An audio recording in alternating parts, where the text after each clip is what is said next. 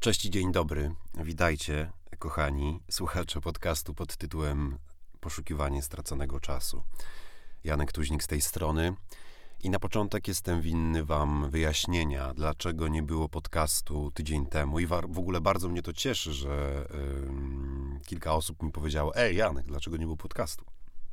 To znaczy, że rzeczywiście ktoś tego słucha z drugiej strony i jest to jakieś krzepiące.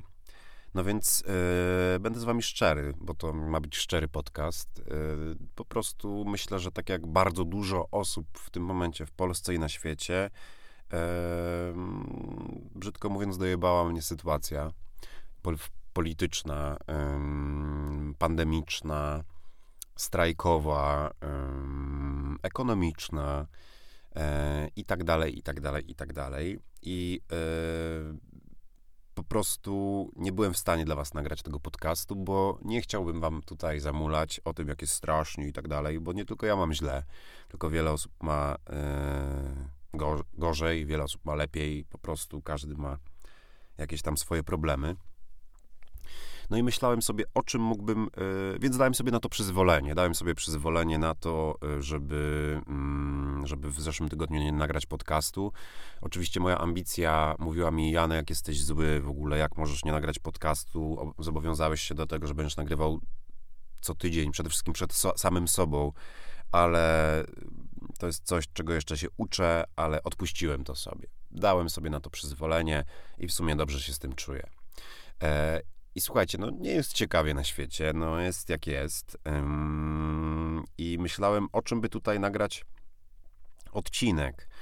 I najpierw chciałem wylać swoją całą frustrację y, w tym podcaście y, i wypowiedzieć się na temat swoich poglądów e, politycznych, ponieważ teraz jest to top temat poza pandemią oczywiście i to jest straszne, co się dzieje w naszym kraju. Natomiast stwierdziłem, że mm, wszyscy jesteśmy sfrustrowani. Ludzie, pani w sklepie, rozmawiam ze znajomymi. to, co zwykle przyjmowaliśmy na 10% w kurwu, teraz nagle jest 50% w kurwu. także stwierdziłem, że nie ma sensu dolewać oliwy do ognia i nagram wam coś miłego. I ten odcinek się nazywa Ciepłe wspomnienia w zimne dni. I właśnie takie wspomnienia chciałbym Wam opowiedzieć. Mianowicie chciałbym Wam opowiedzieć o moich em, wakacjach w dzieciństwie. Jak spędzałem wakacje w dzieciństwie. I napisałem sobie takie trzy punkty. Pierwszy punkt to oczywiście wakacje na wsi. Bo jak ktoś już wcześniej słuchał, to wie, że się wychowywałem na wsi pod Kazimierzem Dolnym na Lubelszczyźnie, Wyżyna Lubelska, miejscowość o urokliwej, urokliwej nazwie Skowieszynek. I wyobraźcie sobie, e, że jest gorąco, jest 30 stopni. E, wakacje na wsi, poza tym, że się biegało e, po malinach na przykład, się zjadało maliny prosto z krzaka, albo truskawki, e, były drogi żwirowe, rozpalone do czerwoności, gdzie mknęliśmy swoimi składakami z moimi sąsiadami i robiliśmy wiraże. Bardzo często kończyło się to oczywiście upadkiem i jeżeli ktoś upadł na żwirowej drodze, to wie, że bardzo często w nadgarstkach, rękach, kolanach ten żwir po prostu zostawał. Potem było zdrapywanie strupów ale to były troszkę takie blizny wojenne, że kurczę, mam, nie? To jakby nie ma miękkiej gry. Zresztą poza e, jeżdżeniem po wsi na składakach i robieniem wiraży, e, to też jeździliśmy mm, tymi swoimi składakami w to upalne lato e, po lasach i robiliśmy sobie takie hopki, zanim to było modne i zanim po prostu były BMX. W ogóle kto, jak ktoś miał BMX-a, jak w ogóle się słyszało, że ktoś miał BMX-a, to słuchajcie, BMX to był już taki Rolls Royce. Rolls Royce. Naprawdę. My jeździliśmy na składakach i skakaliśmy na tych składakach, rozwalaliśmy te rowery, naprawialiśmy je. Było super. Jeździliśmy na piłkę nożną. Oczywiście wtedy były czasy, gdzie nie było żadnych telefonów e, komórkowych i tak dalej, a z telefonów stacjonarnych nie korzystało się, tylko się podchodziło pod drzwi, pukało się, dzwoniło, rzucało się kamieniami e, i klasyczne mamo, zrzucisz wodę? Mamo, zrzucisz wodę? I graliśmy w piłkę, jeździliśmy rowerami. A jak potem byliśmy zmęczeni, to e, pierwszy sklep na wsi taki mm, spożywczy miał mój tata i jeździło się, słuchajcie, na orężadę. A orężada to był taki ulepek, taki kolorowy, niezdrowy w ogóle, turbo niefit ulepek, słodka orężada. E, w takich małych butelkach 0,33 kapslowana i kosztowała, słuchajcie, 40 groszy. 40 groszy. E, lulek, taki lód, e, kosztował chyba 30 groszy. Guma turbo kosztowała 10 groszy. Także jak się miało zeta, czyli złotówkę, to już naprawdę można było miło spędzić z kolegami popołudnie. E, I e, no i w ogóle gry, ogniska. Moi rodzice często robili ogniska. Grille jeszcze wtedy były niepopularne, więc ogniska, śpiewanie z gitarą, e, ganianie się z psami.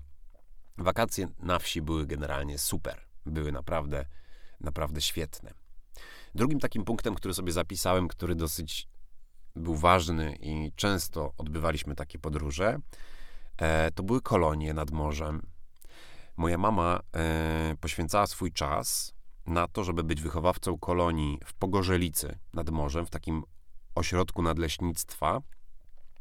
I w zamian za to, że ona była tym wychowawcą, moja mama była nauczycielką, teraz jest emerytowaną nauczycielką, to ja z moją siostrą Asią mogliśmy te kolonie tam odbywać za darmo. Także ona pracowała, a my po prostu mogliśmy mm, miło spędzić czas i oczywiście byliśmy pod jej opieką. Pogorzelica, słuchajcie, ośrodek. Najpierw powinienem wam opowiedzieć o ośrodku.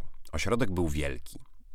Kilka hektarów, Y, z 10 domków, które miały śmieszne nazwy, jakieś krasnoludki albo y, elfy, e, albo dzik i tak dalej. Jedna wielka stołówka, gdzie pamiętam jadło się zawsze e, na śniadanie chleb z masłem i z dżemem i tam nauczyłem się też jeść czegoś, co e, może w waszej wyobraźni wykrzywić wam kubki smakowe, ale było naprawdę dobre. Czyli kromkę chleba smarujemy masłem, na to nakładamy ser żółty i na to nakładamy słodki dżem. Zresztą to nie jedyna moja fanaberia, tam się nauczyłem połączenia smaku słonego ze słodkim. E, później jak wróciłem do domu, to po, poszedłem krok dalej i mój chrześniak do dzisiaj się ze mnie śmieje, e, bo e, oczywiście jego babcia, czyli moja mama, mm, mu o tym powiedziała, jak wujek jadł szalone potrawy i było, była to bułka, e, nutella, ser żółty i ketchup. Brzmi strasznie, prawda? Ale słuchajcie, to było słodko-słono-pikantne. Takie wiecie. Naprawdę bardzo dobre, chociaż dzisiaj nie wiem, czy bym e, odważył się zjeść coś takiego, ale wtedy pamiętam, byłem wielkim fanem. Wracając do Pogorzelicy. Było super. Chodziliśmy nad morze, e, jedliśmy gofry. Pamiętam, że e, z dwa razy, bo tam byliśmy kilka lat z rzędu, Zdarzyło się, że zgubiłem e, zęba w gofrze i chyba go zjadłem. E, I pamiętam, że tam też miałem swoją pierwszą dziewczynę, słuchajcie, z innego domku. Też była ruda. I przychodziliśmy e, na plac zabaw, który był pomiędzy naszymi domkami w połowie drogi i się trzymaliśmy za rączki. Ja miałem z 8 lat, czy 9. I trzymaliśmy się za rączki, chodziliśmy na spacery, huśtaliśmy się razem na huśtawce, ja jej przyniosłem czasem kwiatka. I teraz z perspektywy czasu, jak sobie o tym myślę, to to, to kurwa, urocze to było. to musiało wyglądać naprawdę e, naprawdę e, uroczo. Były też śmieszne anegdoty. E, jak kiedyś e, byliśmy właśnie w Krasnoludkach, moja mama była wychowawcą, wychowawczynią i był taki fajny chłopaczek ze Śląska, Dawid. Straszny łobuz. E, I nagle wpada jego kumpel Piotrek, dzieciak z 10 lat, Dawid chyba 12. I mówi do, yy, do mojej mamy, jeszcze był szczerbaty, więc seplenił. Proszę pani, proszę pani, Dawid się powiesił. Co? Dawid się powiesił. Moja mama w pisk. panika, wybiega, rozchełstana, bo tam się ubierała akurat w sukienkę. I okazało się, słuchajcie, że on po prostu zawisł na drzewie. proszę pani, proszę pani, Dawid się powiesił. E, I byliśmy na wycieczkach w Niechorzu. E, tam jest taka latarnia. Było naprawdę bardzo, bardzo fajnie.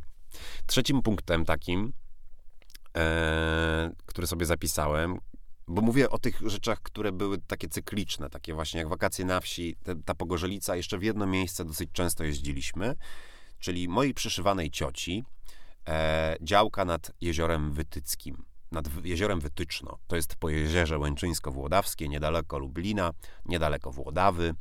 E, I tam właśnie ciocia Pietrucha, e, Anka miała, e, ma dwóch synów, Mateusza i Przemka i tam przyjeżdżaliśmy my z mamą, ja i moja siostra Asia i tam, słuchajcie, mm, nauczyłem się łowić ryby. Chodziliśmy na ryby, na tak zwane białe, łowiliśmy uklejki, płotki, nawet się czasem leszcz jakiś zdarzył. Kilka razy byliśmy też na połowie karpia, E, I to było super, bo trzeba było wstać o trzeciej, o czwartej już być na miejscu. W, w ciągu dnia lepiliśmy te kulki proteinowe, e, robiliśmy zanętę. To była cał, cały w ogóle rytuał tego wszystkiego. I sobie chodziliśmy, łowiliśmy rybki. A jak coś złowiliśmy, to później mamy to robiły, oprawiały i jedliśmy to e, wieczorami. E, wieczorami jedliśmy sobie to e, na takie rybki z patelni. E, w ogóle w, na, wytycznie było super, bo nie było w ogóle zasięgu. Zasięg był w jednym miejscu, na takim kopcu, e, na którym był pomnik upamiętniający żołnierzy.